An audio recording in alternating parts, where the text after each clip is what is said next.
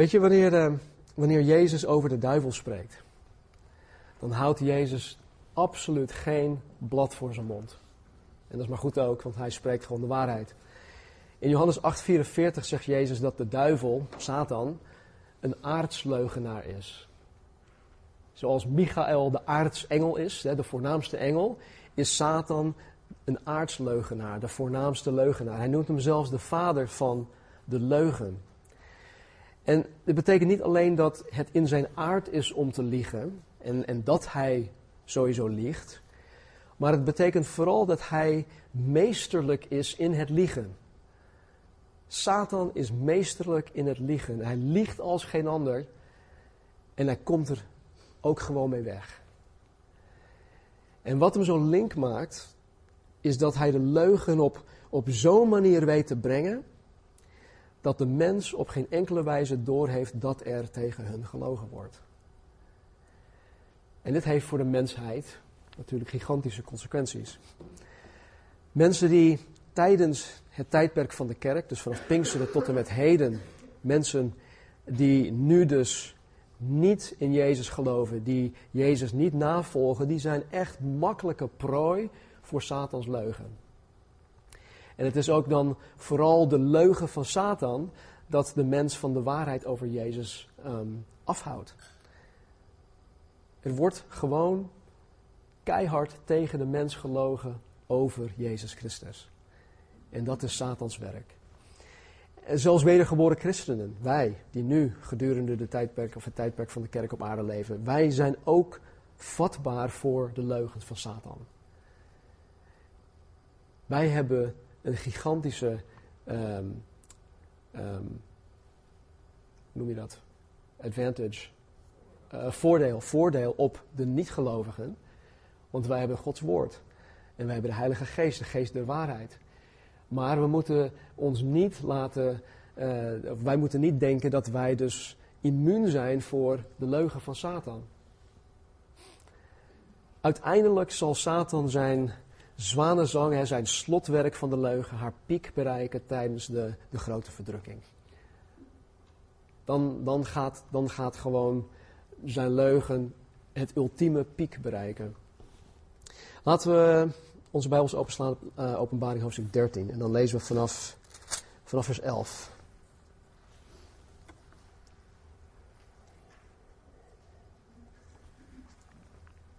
En ik zag een ander beest opkomen uit de aarde. En het had twee horens als die van het lam. Maar het sprak als de draak. En het oefent al de macht van het eerste beest voor zijn ogen uit. En het maakt dat de aarde en zij die er wonen het eerste beest aanbidden, waarvan de dodelijke wond genezen was. En het doet grote tekenen, zodat zelfs vuur uit de hemel laat neerkomen op de aarde, voor de ogen van de mensen. En het misleidt hen die op de aarde wonen door middel van de tekenen die het gegeven zijn te doen voor de ogen van het beest. En het zegt tegen hen die op de aarde wonen dat zij een beeld moeten maken voor het beest dat de wond van het zwaard had, weer, had en weer levend werd. En hen werd macht gegeven om een geest te geven aan het beeld, of adem te geven, pneuma te geven, aan het beeld van het beest, opdat het beeld van het beest zelf zou spreken. En zou maken dat allen die het beeld van het beest niet zouden aanbidden, gedood zouden worden. En het maakt dat men allen, of het maakt dat men aan allen, kleinen, groten, rijken en armen, vrije en slaven, een merkteken geeft op hun rechterhand of op hun voorhoofd. En het maakt dat niemand kan kopen of verkopen behalve hij die het merkteken heeft, of de naam van het beest of het getal van zijn naam. Hier is de wijsheid. Wie verstand heeft, laat hij het getal van het beest berekenen, want het is een getal van een mens en zijn getal is 666. Tot zover. Afgelopen zondag hebben we gekeken naar het beest dat uit de zee opkwam. We hebben geleerd dat dat beest het antichristelijk wereldsysteem vertegenwoordigt waaruit de mens, de antichrist, de menselijke antichrist voort zal komen. En door de, de nauwe associatie is de persoon antichrist en het antichristelijk systeem, het wereldsysteem, synoniem. we hebben net eh, in de States bijvoorbeeld, of uh, we hebben in de States acht jaar Obama-administration gehad. Nou, als je het over de Obama-administration hebt, dan heb je het over Obama. En die twee zijn synoniem. En zo ook wanneer we het over de antichrist hebben, dan kunnen we het hebben over het antichristelijk wereldsysteem wat opgezet gaat worden, als ook de persoon, de antichrist. Nou, vanmorgen worden we voorgesteld aan de zevende personage. En dat is zoals we het vandaag zullen lezen, uh, de valse profeet. Hij wordt in dit gedeelte niet de valse profeet genoemd. Later in de Bijbel, in hoofdstuk uh, 17, 19, 20, wordt hij wel de valse profeet genoemd. En omdat Satan van nature een leugenaar is, is alles dat hij is en alles dat hij doet een vervalsing van wie God is en van wat God doet. Hij is een naaper, in, in, zoals, zoals we dat als kinderen zeggen. En zoals de God van de Bijbel een drie-eenheid vormt, God de Vader, God de Zoon, God de Heilige Geest, heeft Satan zijn eigen imitatie daarvan, oftewel hij heeft zijn eigen vervalste versie daarvan. De onheilige drie-eenheid bestaat uit Satan of de draak als de antigod, het beest bestaat als de antichristus en de valse profeet als de anti-heilige geest. En we zullen ook zien hoe die drie dan te werk gaan, dat het heel veel lijkt op de drie-eenheid van God. We zullen zien dat alles dat Jezus op aarde gedaan heeft, de antichrist zal trachten om dat te niet te doen. We zullen zien dat alles dat Jezus gebouwd en opgebouwd heeft, de antichrist zal trachten om het af te breken. En iedereen die Jezus Christus toebehoort, zal de antichrist trachten te vernietigen. Ik heb het nu over de toekomst. Maar zelfs nu, waar we het vorige week al ook, ook al hebben gehad, dat nu al de geest van antichrist aanwezig is. 2000 jaar al is de geest van antichrist aanwezig en actief op aarde. En hij tracht nog steeds ons te vernietigen op een of andere manier. In vers 11 staat: Ik zag een ander beest opkomen uit de aarde. En het had twee horens als die van het lam. Maar het sprak als de draak. Het Grieks woord in de grondtekst voor een ander betekent een ander van precies dezelfde soort of aard. En in dit geval komt dit beest dus ook op door de kracht van Satan. Het is een ander beest, precies als het eerste beest. En dit beest komt op uit de aarde. Uh, het zou eventueel kunnen betekenen dat hij van Joodse afkomst is, maar dat is niet zeker. Dat, ik denk niet dat het er verder toe doet. Het heeft twee horens, wat aangeeft dat, wat aangeeft dat hij wat macht bezit. Uh, wat we ook zullen gaan zien zometeen. En deze horens waren als die van het lam. Dat wil zeggen, als die van het geslachte lam, Jezus Christus. En hier zien we dus al meteen dat Satan het werk van Jezus tracht na te bootsen. Maar waar Jezus de weg, de waarheid en het leven is, staat hier dat dit beest sprak als de draak. En de draak is nogmaals Satan zelf. En Satan is een aardsleugenaar, de vader van de leugen. Dit beest zal dus alleen maar leugens vertellen. Misschien is het zoals het nu ook al is. 95% waarheid en 5% leugen is nog steeds leugen. En dat maakt het zo gevaarlijk. Of 99% waarheid en 1% leugen, dat maakt het nog steeds leugen. Toen Satan met Jezus in, in gesprek raakte, toen hij hem um, ging, ging um, vervolgen en, en, en verleiden in de woestijn, sprak hij ook. Hij, hij, hij haalde Bijbelteksten aan. Maar het was niet de volledige waarheid. En zo doet hij dat vanaf het begin ook al. Heeft God niet gezegd dat? Weet je, dus hij, hij probeert op allerlei manieren de mensen voor te liggen. Deze valse profeet is de ultieme belichaming van wat Jezus in Matthäus 7:15 tegen zijn discipelen zei. Jezus zei: Maar wees op uw hoede voor de valse profeten, die in schapenvacht naar u toe komen, maar van binnen roofzuchtige wolven zijn. Deze valse profeet zal de ultieme belichaming zijn van wat Jezus hier omschrijft. En vers 12: Het oefent al de macht van het eerste beest voor zijn ogen uit. En het maakt dat de aarde en zij die er wonen het eerste beest aanbidden, dus de antichrist aanbidden, waarvan de dodelijke wond genezen was. Weet je, met betrekking tot de taak van de Heilige Geest op aarde, zei Jezus in Johannes 15 en 16 dat de Heilige Geest op aarde van Jezus zal getuigen. Dat is in Johannes 15, 26. Uh, hij zegt ook, en ook jullie, dus zijn discipelen, zullen van, van mij, van Jezus getuigen. En er staat ook, Jezus zegt ook in vers, uh, hoofdstuk 16, vers 4 of 14, 14 denk ik, en hij zal Jezus verheerlijken. Dus de, de taak van de Heilige Geest op aarde is om van Jezus te getuigen en om Jezus te verheerlijken. In Johannes 15, 26 wordt de Heilige Geest door Jezus de geest van de waarheid genoemd.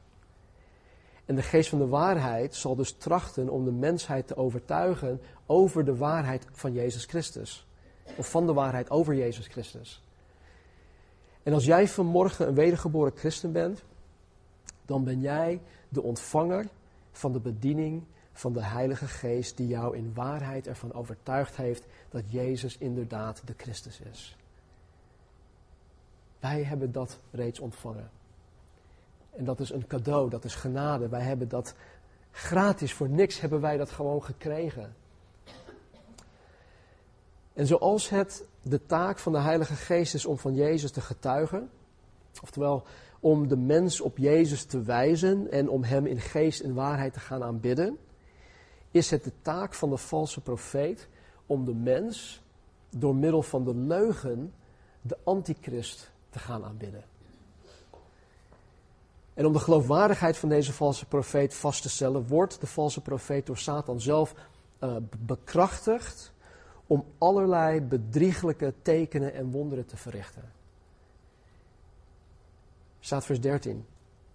En het doet grote tekenen, zodat, zelfs, zodat het zelfs vuur uit de hemel laat neerkomen op aarde, voor de ogen van de mensen. In het Oude Testament heeft God meerdere malen vuur uit de hemel laten neerkomen op de aarde. Drie keer heeft de profeet Elia vuur uit de hemel doen neerkomen op de aarde. En weet je, zo'n wonder brengt wel een stukje geloofwaardigheid met zich mee. Op een gegeven moment, toen uh, Elia op, op de berg Karmel was, toen hij vuur vanuit de hemel liet neerkomen, dat zijn, zijn offer gewoon in een, een ogenblik verteerd werd. Ondanks dat ze overal water overheen gegoten hadden, kwam er vuur uit de hemel en dat offer werd verteerd door dat vuur. Op dat moment wist iedereen die dat zag, oh jee, oké, nou, de God van Israël is, is daadwerkelijk de echte God. Oké, ja, we, we give up. Weet je, dus het, brengt een, een stuk geloofwaardigheid met zich mee. Dus wanneer de mensen in de verdrukking de valse profeet zien en dat hij macht heeft om vuur uit de hemel te laten neerkomen op aarde, zullen zij daardoor misleid worden. Want wie kan dat doen? Hij moet wel een goddelijk iemand zijn, of hij moet wel goddelijke krachten hebben. Ze zullen zo onder de indruk zijn dat zij zichzelf blindelings aan hem over zullen geven. De apostel Paulus spreekt in 2 Thessalonicense over hoe Satan door middel van de antichrist en door middel van de valse profeet de mensen tijdens de verdrukking zal gaan misleiden. Ik zal het voorlezen, 2 Thessalonicense 2. In de komst van de wetteloze, dat is dus de antichrist, is de kracht van Satan zichtbaar. Zijn verschijning zal verzegeld, of vergezeld gaan van allerlei machtsvertoon bedrieglijke tekens en wonderen en van allerlei misdadig bedrog. Zij die verloren gaan worden erdoor misleid, want ze hebben zich niet opengesteld voor de liefde tot de waarheid, wat hen had kunnen redden. Daarom slaat God hen met verblinding, zodat zij geloof hechten aan de leugen. Zo zullen allen worden veroordeeld die niet geloofd hebben in de waarheid, maar gekozen hebben voor het onrecht. Jezus zegt ook over hetzelfde gebeuren in Matthäus 24, 24. Er zullen valse Christussen en valse profeten opstaan en zij zullen grote tekenen en wonderen doen, zodat zij, als het mogelijk zou zijn, ook de uitverkorenen zouden misleiden. Dus mensen worden gewoon misleid. En Paulus geeft in 2 Thessalonicense aan dat de mensen misleid worden of de reden waarom mensen misleid worden, is mede omdat zij de, de, de waarheid niet hebben willen aannemen. En het is namelijk zo, als iemand de waarheid van God, van de Bijbel over Jezus Christus, zijn heilsplan, als mensen dat verwerpen, dan staan ze open of dan stellen ze zich, zichzelf bloot aan alle vormen van leugen. Kijk maar om je heen. Praat met mensen die niet in Jezus Christus geloven. Die stellen zich open voor allerlei verschillende leugens. Vers 14 en 15. En het misleidt hen die op de aarde wonen door middel van de tekenen die het gegeven zijn te doen voor de ogen van het beest. En het zegt tegen hen die op de aarde wonen dat zij een beeld moeten maken voor het beest dat de wond van het zwaard had, dat de wond, dat, het beest dat de wond van het zwaard had en weer levend werd. En hem werd macht gegeven om een geest of pneuma, dat is adem, te geven aan het beeld van het beest, opdat het beeld van het beest zelf zou spreken. En zou maken dat allen die het beeld van het beest niet zouden aanbidden, gedood zouden worden. Er zal op een gegeven moment een beeld, een image van de antichrist gemaakt worden. De Bijbel geeft ons weinig informatie over het beeld. Dus vanuit de schrift zelf is het niet mogelijk om te bepalen wat dat beeld precies zal zijn. Het, het Grieks woord voor beeld is, is waar, waarvan wij het Nederlands woord uh, icoon krijgen. Het Nederlands woord icoon wordt daarvan afgeleid. En in de orthodox-kerkelijke kunst is een icoon een, een geschilderde um, voorstelling van, van onder andere Jezus Christus. Het is ook een geschilderde voorstelling van uh, de door hun gekozen heiligen.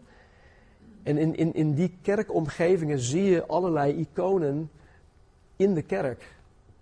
Ook op hun websites, in al hun uitingen komen deze iconen uh, naar voren. Maar goed, voor de meeste van ons is een icoon een pictogram of een grafisch symbool. En dat een uh, computerbestand of applicatie, dat, of dat het daaraan gekoppeld wordt. Waardoor je heel snel een, een, een bestandstype of een programma of een app kan herkennen. Hoe dan ook, het beeld van het beest, het icoon van het beest, het, van de antichrist, zal gemaakt worden in zijn evenbeeld. En de valse profeet zal het op een of andere manier tot leven laten komen en het in staat stellen om te kunnen praten. Het beeld zal als het ware de woordvoerder zijn voor dit kwade duo, de antichrist en de valse profeet. En het zal alle mensen ter dood veroordelen die weigeren om het onheilige duo te aanbidden. Nou, wij weten, of we horen te weten, dat God alleen leven kan geven. God almachtig, de God van de Bijbel, alleen God kan het leven geven. Dus hoe de valse profeet zogenaamd leven aan het beeld van het beest zal geven, dat zal ja, of door uh, Satans bovennatuurlijke kracht, hè, weer bedrieger, bedrog zijn, of het zal door middel van de meest geavanceerde techniek gebeuren. Dat, dat zou ook kunnen. Nogmaals, we weten het niet zeker. Maar het is niet, het is, het is, het is in onze uh, moderne technische wereld niet moeilijk om een dergelijk scenario voor te stellen. Dat het door middel van techniek kan, uh, kan gebeuren. Tegenwoordig hebben we de, uh, bijvoorbeeld de mogelijkheid om een holografische afbeelding tot leven te laten komen.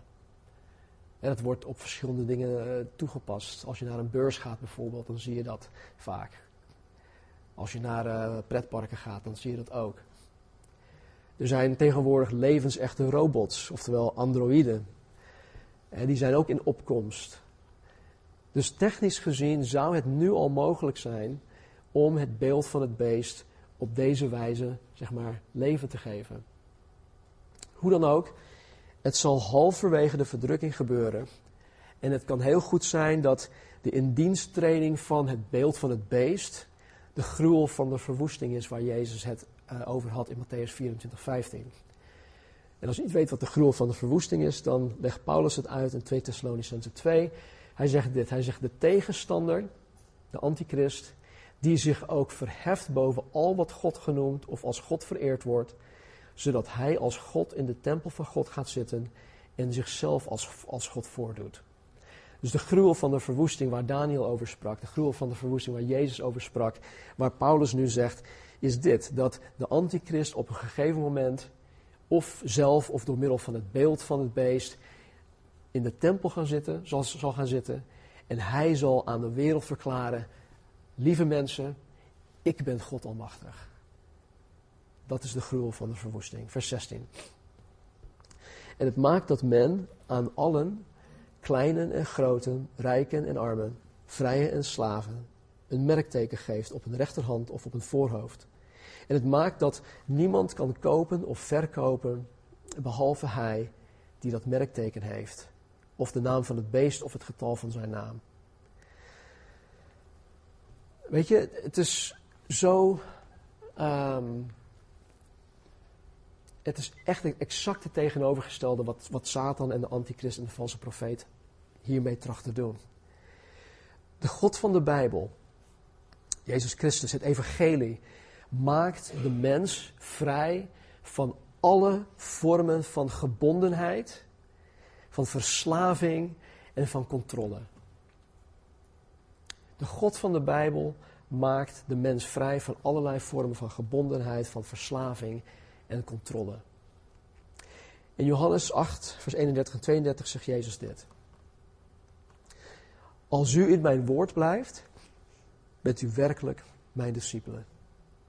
En u zult de waarheid kennen en de waarheid zal u vrijmaken. Hier leert Jezus ons dat het überhaupt mogelijk is om de waarheid te kennen, waardoor um, de waarheid ons vrij zal maken. Vrij zal maken van alle vormen van gebondenheid. Vrij zal maken van de leugen. Vrij, vrij zal maken van verslavingen en controle van de Satan, controle van de wereld, controle van mensen. Mensen proberen mensen ook te controleren. En dan zegt Jezus even verderop in Johannes 8, 8 vers 36: Als dan de zoon u vrijgemaakt heeft, zult u werkelijk vrij zijn. Paulus zegt dan in Galaten 5:1: Sta dan vast in de vrijheid waarmee Christus ons vrijgemaakt heeft. En laat u niet weer met een juk van slavernij belasten.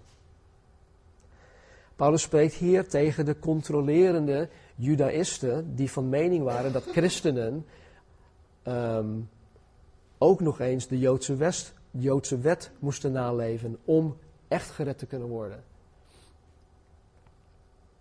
In 2 Korinthe 3, vers 17 zegt Paulus: De Heere nu is de geest, en waar de geest van de Heere is, daar is vrijheid. En in dit stukje legt Paulus ons uit dat waar de geest van de Heere regeert, waar de Heilige Geest regeert, de mens vrij is om door de geest veranderd te worden naar het evenbeeld van Jezus Christus. Het gaat bij God vooral om vrijheid. God maakt ons vrij. En tegelijkertijd wil God ook de vrijheid hebben om ons te veranderen naar het evenbeeld van Christus. Nou, in tegendeel gaat het bij Satan, bij de antichrist en de valse profeet om controle. Bij hun gaat het om het, het uitoefenen van macht over de mens. Om de mens te controleren. Om de mens in gebondenheid en, en in slavernij te houden. De antichrist maakt, vers 17, dat niemand kan kopen of verkopen behalve hij die dat merkteken heeft, of de naam van het beest of het of het getal van zijn naam. Het gaat om controle. Kijk, wij worden nu al, en dat, weet, dat weten we allemaal donders goed, wij worden nu al tot op zekere hoogte gecontroleerd. En zelfs nu al kunnen wij alleen kopen en verkopen door middel van uh, de huidige betalingssystemen. als, als ik iets online wil kopen, dan zijn er verschillende betalingsmogelijkheden, vooral elektronisch. Want als ik bij een, uh, een webshop iets online ga dan ga ik geen contant geld in een envelopje stoppen en naar een uh, toesturen. Nee, het gaat, het gaat allemaal elektronisch via Ideal of via creditcard of via PayPal of Klarna of uh, afterpay, whatever, dat soort dingen. Het, het, is, het is snel, Binnen enkele seconden is, is die betaling gedaan. Het is efficiënt en in mijn ervaring is dat tot nu toe ook gewoon nog veilig. Ik heb, godzijdank, nog nooit problemen gehad daarmee. Wel heb je natuurlijk een bankrekening daarvoor nodig. Toch? En om een bankrekening te kunnen openen, moet je een vast adres hebben. Je moet je burgerservice nummer hebben. Je moet een geldig identificatiemiddel hebben, zoals een paspoort. Je kan geen abonnement afsluiten voor je telefoon zonder paspoort of iets dergelijks. Dus het is nu dus al de normaalste zaak om hierin mee te gaan. En we gaan er allemaal in mee. We moeten wel. Ik kan anders niets kopen of verkopen. Als ik een baan wil hebben, als ik een betaal, als ik bij iemand in, in dienst treed, dan wil de werkgever mijn salaris overmaken op een bankrekening. Ze zullen daar geen uitzondering in maken. Ze zullen zeggen van Stan, ik weet dat je niet mee wil in dit systeem, dus uh, elke één keer in de maand krijg jij gewoon contant uitbetaald. Dat kan wel, maar dat heet zwart werken, maar dat is heel iets anders. Dat is een heel ander verhaal. Maar, maar weet je, dus dat, we moeten daar wel in mee. Het is nu eigenlijk al niet eens meer mogelijk om in deze maatschappij um, zonder deze dingen te leven. En de, de mensheid wordt beetje bij beetje geconditioneerd om, om dit gewoon, hè, het merkteken, uh, whatever, wat het ook zal zijn, om dat gewoon te gaan accepteren. En straks zal het waarschijnlijk zo zijn dat men al deze verschillende dingen niet meer nodig heeft. Hè, burgerservice nummer, uh, SOFI-nummer, al dat, dat, soort dingen, uh, DigiD. En dat, ze, dat al deze dingen vervangen gaan worden door het merkteken dat de antichrist zal gaan invoeren. Het kan, ik weet niet, we weten het niet, het is speculeren. Ik weet wel dat dit merkteken zeker zal dienen als, wet, wettig identificatiemiddel. Het zal hoogstwaarschijnlijk ook dienen als betaalmiddel. Uh, je zorgverzekeringpas, uh, DigiD, noem maar op, dat soort dingen. Alles met betrekking tot de persoonsgegevens zal gekoppeld zijn aan dit merkteken. En ja, voor de maatschappij dan later zal dit merkteken gewoon niet weg te denken zijn. En weet je, vanuit het, het pragmatisch oogpunt zal het het meest logisch identificatie- en betaalmiddel zijn. Het zal, het zal fraudebestendig zijn. Het zal efficiënt zijn. Maar hele grote maar, het zal de mens controleren. En het zal de mens uiteindelijk tot eeuwige verdoemenis brengen. In openbaring 14, 9 tot 11 staat dit. En een derde engel volgde hen, die met een luide stem zei, als iemand het beest en zijn beeld aanbidt en het merkteken op zijn voorhoofd of op zijn hand ontvangt, dan zal hij ook drinken van de wijn van de toorn van God, die onvermengd is ingeschonken in de drinkbeker van zijn toorn. En hij zal gepeinigd worden in vuur en zwavel voor het oog van de heilige engelen en van het lam. En de rook van hun pijniging stijgt op tot in alle eeuwigheid. En zij die het beest en zijn beeld aanbidden, hebben dag en nacht geen rust, evenmin als iemand die het merkteken van zijn naam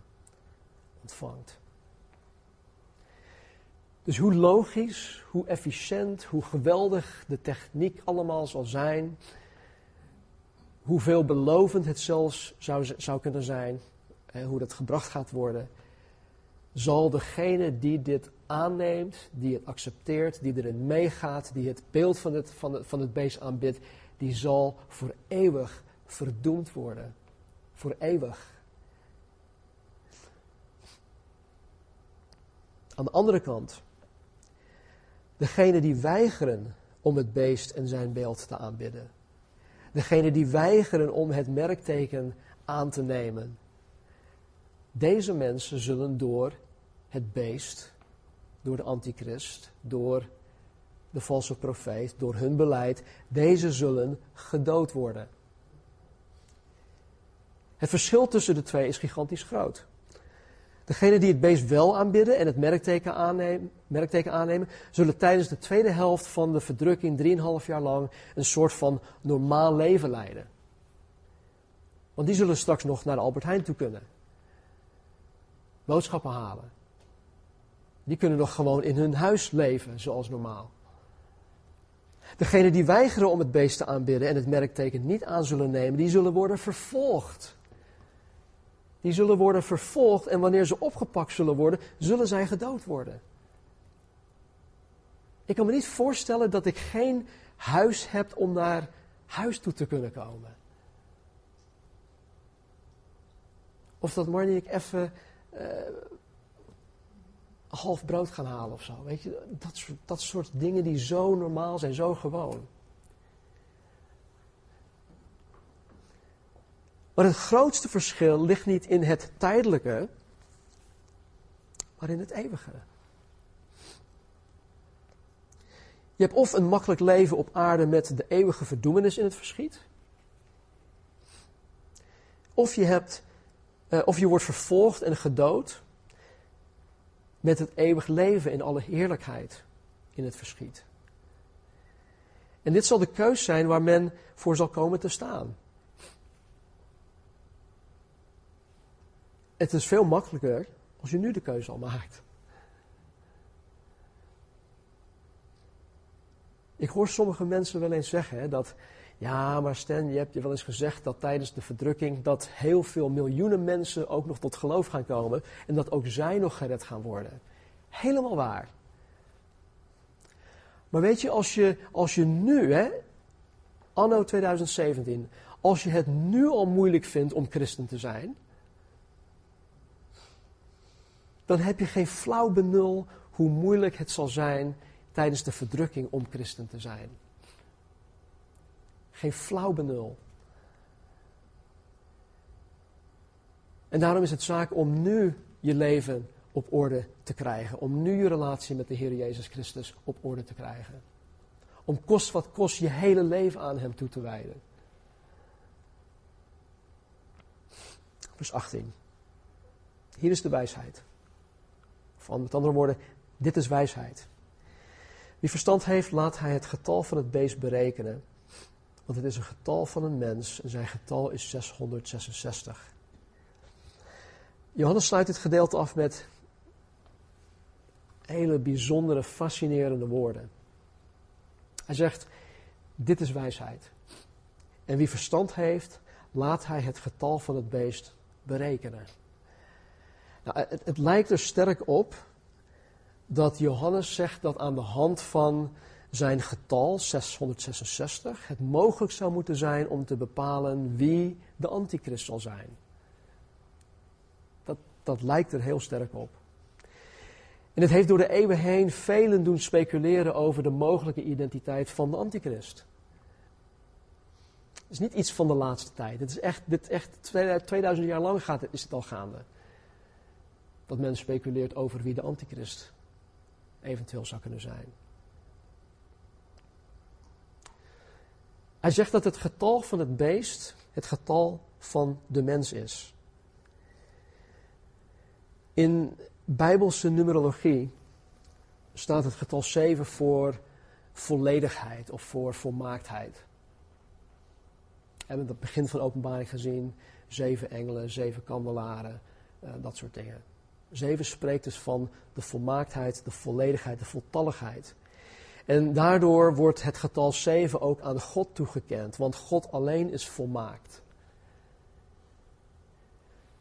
Het getal 6 daarentegen wordt gezien als het getal van de mens. De mens werd geschapen op de zesde dag. De mens werkt zes dagen in de week. En het getal 6 schiet net één cijfer tekort aan de volmaaktheid van God. Dus het getal 6 is het getal van de mens. Het getal 666 wordt dus gezien als het toppunt van de onvolmaaktheid van de mens. En dat het getal 666 het getal van de mens is, houdt in dat de antichrist, alhoewel hij tot 36 keer toe in openbaring het beest genoemd wordt, toch een mens van vlees en bloed zal zijn. De antichrist zal een mens, een persoon zijn, zoals wij dat zijn. Nou, tot slot dit. Er is een, er is een systeem, dat heet gematria, waarin men de getallen die aan letters gekoppeld zijn, ehm, of die aan letters toegekend zijn, dat ze deze uh, getallen bij elkaar optellen om tot een totaalcijfer te kunnen komen. En het is, op zich is dat geen fout systeem, maar um, het heeft wel tot heel veel speculatie geleid. Bijvoorbeeld um, in het Grieks alfabet. Wij, kennen dat in ons, in, in, in, ons alfabet niet, maar wel in het Grieks en Hebreeuws zijn bepaalde uh, nummers toegekend aan de letters. In het Grieks bijvoorbeeld uh, alpha, beta, gamma en delta, dat is A, B, C en D zoals wij dat kennen. Tegelijkertijd is de getalswaarde van deze letters 1, 2, 3 en 4. Het getal 8 in de Bijbel vertegenwoordigt een nieuw begin. Jezus is op de achtste dag van de week uit de dood opgestaan. Klinkt misschien raar. Hij is natuurlijk op de eerste dag, zondag. Maar als je doortelt, is dat dan weer de achtste dag. Het is, het is een nieuw begin. Als we de getallen van Jezus' naam bij elkaar optellen, in het Grieks, dus Jezus, dan komen we uit op 888. En als we alle namen van Jezus, dus de Heer Jezus, Jezus Christus, Christus Jezus, alle vormen van zijn naam in het Nieuw Testament, als wij al deze namen nemen en de getallen van deze namen bij elkaar optellen, dan zal het altijd deelbaar zijn door acht. Nou, zo heeft men door de jaren heen bijvoorbeeld gedacht dat het door middel van het optellen van die, die, die getallen, dat bijvoorbeeld keizer Nero de antichrist was. Mensen hebben zelfs gedacht Adolf Hitler of uh, Ronald Reagan. Diverse pauzen door de eeuwen heen. En nu denkt uh, men bijvoorbeeld dat Paus Franciscus de antichrist kan zijn. Weet je, hoe, hoe dan ook, aan de hand van de ontwikkelingen in het Midden-Oosten, aan de hand van de, de, de push vanuit hand om tot een één wereld religie te komen, om tot een één wereld regering te komen, is het heel goed mogelijk dat de antichrist en dat de valse profeet nu al ergens hier op aarde, op het wereldtoneel, al bezig zijn. Zij het in onbekendheid. Kan. Er zijn heel veel dingen die nu gaande zijn op het wereldtoneel, wat mij, wat christenen, uh, doet denken dat de tijd echt nabij is dat de opname van de kerk plaats zal vinden. En het eerstvolgende wat daarna gebeurt is waar we het uh, vandaag over hadden. Wat ik ja, heel erg um, lastig vind, en, en dit is dan, um, hier sluit ik ook mee af, is um, dat de valse profeet, de antichrist, zoveel mensen kan misleiden. En Jezus zei zelfs ook in, um, in de, de Olijfbergreden dat deze valse Christussen, deze valse profeten zelfs zo misleidend zullen zijn dat indien mogelijk dat ze zelfs de uitverkorenen zouden kunnen misleiden. Zo goed zijn ze. Hoe, hoe kunnen wij ons bewapenen tegen deze misleiding? Niet dat wij dit mee zullen gaan maken, maar de geest van Antichrist is wel prevalent. Hij is wel al bezig op aarde. Hij is al wel bezig hier op aarde. Er zijn valse profeten die eh, de kerk binnensluipen. Dus het is, het is al 2000 jaar is dat al gaande. En hoe kunnen wij ons daartegen bewapenen? Ik denk dat de, de, beste manier om, om, om, een geest van onderscheiding te krijgen is, is door het woord van God te kennen. Is door het woord van God eigen te maken. En weet je, wat, wat dat tegenwoordig in mijn beleving, in mijn optiek ook echt verhindert, is dat uh, online er zoveel resources beschikbaar zijn. had van de week een gesprek. Iemand die had een vraag over een Bijbelgedeelte. En uh, die vroeg mij van, joh, wat, wat bedoelt Jezus hier nou precies mee? Um, mijn manier om antwoord te geven op zo'n vraag is door het zelf te gaan lezen, zelf te, uh, door er, er te, gaan, te gaan spitten om een antwoord te geven. Maar tegenwoordig is het zo makkelijk. Oh joh, je hebt een vraag? even, even googlen.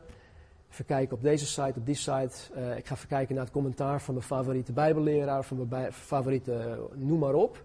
Wie het ook is. En dan stuur je even snel een linkje door. Dat is niet bijbelkennis opdoen. Dat is gewoon iets opzoeken en doorgeven. Maar hoe kan ik me nou bewapenen tegen de leugen als ik Gods woord, als ik, mij, als ik mezelf Gods woord in eigen maak? De Bijbel leert ons telkens over en over. Laat het woord geschreven staan op je hart. Mijn woord wordt geschreven op de tabletten van je hart, op van vlees. Um, het woord van God, uh, Psalm 119, dat staat er vol van. God zegt zelf ook dat hij, hij vertrouwelijk omgaat met degenen die oprecht zijn, die hem oprecht zoeken. Weet je, ik zal je nooit afraden om een preek te gaan beluisteren. Tenzij het een hele slechte preek is natuurlijk. Maar als het gewoon bijbelgetrouw een preek is, dan zal ik je altijd aanraden. Hey joh, luister naar die preek. Maar het luisteren van een preek, of het uh, raadplegen van een commentaar, of het lezen van een boek, is niet een manier, of is niet de manier waar, waar, wat, God voor ogen heeft om het woord van God eigen te maken. Als God tegen ons zegt dat Hij vertrouwelijk omgaat met degenen die Hem oprecht zoeken, dan is het niet even snel een, een, een, een, een zoekopdracht uitvoeren. Dat is niet God in alle oprechtheid zoeken. God in alle oprechtheid zoeken is, op, is, is om plat op je gezicht te gaan, om hem te bidden en te smeken. Heren, maak mij dit alstublieft duidelijk. Maar wij, wij, wij leven in een magnetron uh, society. We willen alles meteen hebben. En door een paar swipes en door een paar kliks en dit en dat hebben we het antwoord. Maar is dat wel het antwoord die God voor jou heeft? Snap je dus de manier waarop wij, denk ik, dit allemaal kunnen bestrijden, waardoor wij onderscheidingsvermogen kunnen krijgen, is door samen met God, samen met de Bijbel open, samen met de Heilige Geest, zijn woord te gaan bestuderen.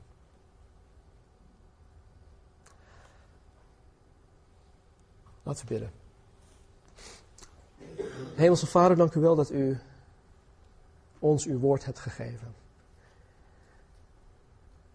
Dank u wel, Heer, dat u ook zegt dat het voordeel dat u aan de Joden gegeven hebt, is dat u hun de orakels, heren, van de Heer, het woord van God heeft toevertrouwd.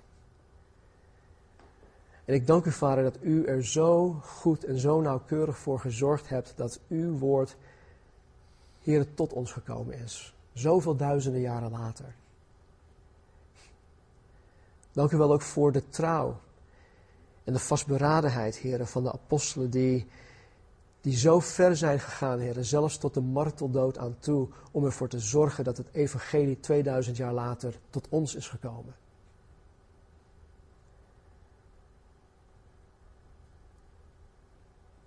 Heren, help ons om u ernstig te zoeken.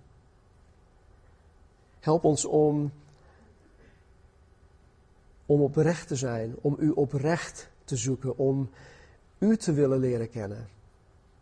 Om uw hartslag te leren voelen, om uw gezindheid te krijgen.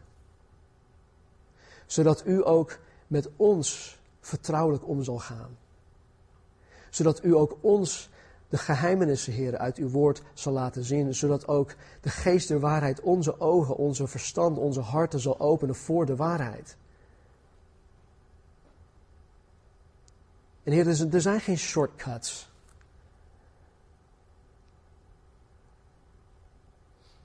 Help ons daarbij, beweeg ons daartoe.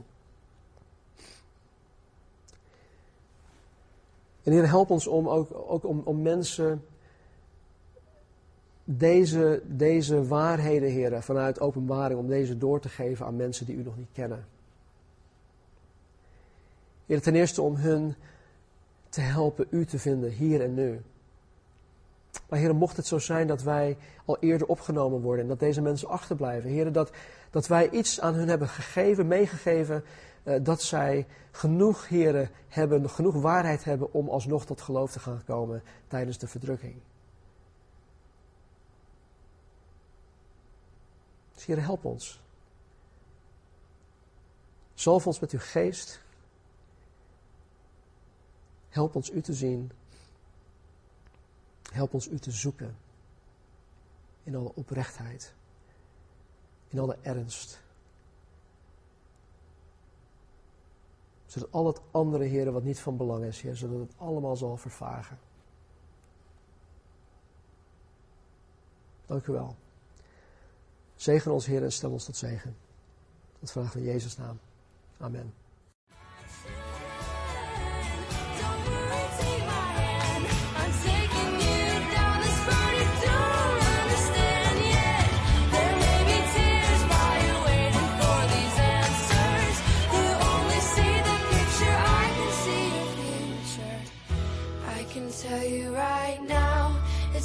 Be alright.